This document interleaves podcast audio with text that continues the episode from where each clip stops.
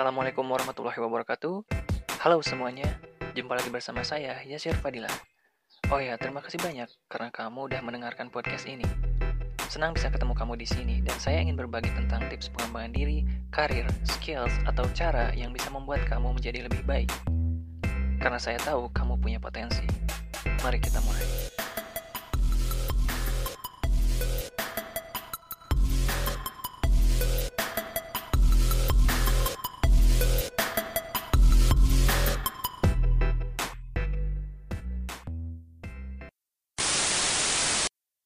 Ada satu kutipan dari Andrea Hirata yang cukup menarik. Katanya, bermimpilah dalam hidup, bukan hidup dalam mimpi. Kita bisa punya visi dan mimpi, karena kebanyakan dari kita menginginkan perubahan dalam hidup, perubahan ke arah yang lebih baik. Visi dan mimpi adalah kompas kita ke arah perubahan itu. Tapi, apakah kamu tahu perbedaan visi dan mimpi? Karena kedua hal ini tampak serupa tapi tak sama ya. Oke, sebelum ke sana saya mau cerita dulu nih. Dari SD sampai SMA, saya nggak terlalu memikirkan masa depan. Bahkan, saya belum familiar dengan visi dan mimpi. Waktu itu saya cuma tahu visi. Itu pun saat ada pemilihan ketua OSIS dan pemilihan presiden. Yang saya tangkap waktu itu, visi adalah serangkaian janji yang dilontarkan oleh calon yang akan dipilih. Jadi, yang saya tahu waktu itu, visi sama dengan janji. Setelah itu, saya coba memahami makna visi lebih jauh lagi. Ternyata, visi itu bukan janji. Visi malah seperti harapan atau kondisi di masa depan yang akan diwujudkan. Yang artinya mungkin terwujud dan mungkin nggak terwujud, tapi diusahakan terwujud. Saya juga sempat baca-baca buku pengembangan diri, dan saya juga menemukan kalau visi itu bukan cuma dibuat oleh calon ketua OSIS atau calon presiden. Tapi setiap orang bisa punya visi dalam hidupnya. Saya dan kamu juga bisa. Karena setiap orang bebas punya harapan yang lebih baik buat hidupnya kan. Lalu saya mulai tahu tentang mimpi itu sejak kuliah.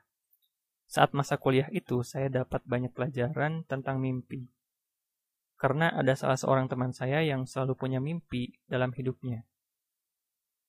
Salah satu mimpinya adalah kuliah ke luar negeri. Ia sering membahas tentang topik ini, sampai jadi obrolan sehari-hari. Yang saya tangkap waktu itu kalau mimpi adalah cita-cita besar, yang jelas, tapi kadang abstrak, dan belum tentu terukur, kecuali ada perencanaan yang detail.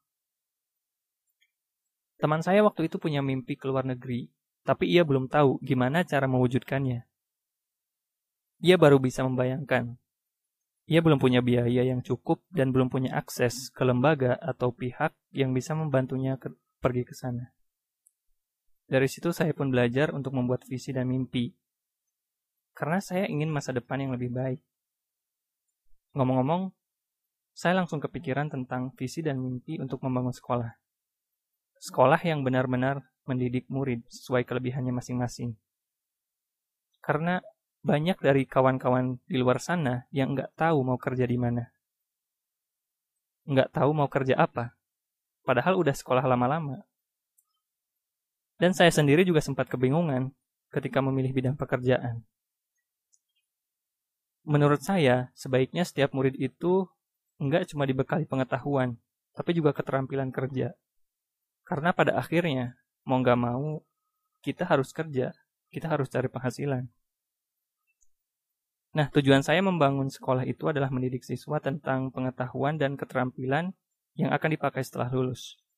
Sehingga ketika lulus mereka nggak akan kebingungan lagi.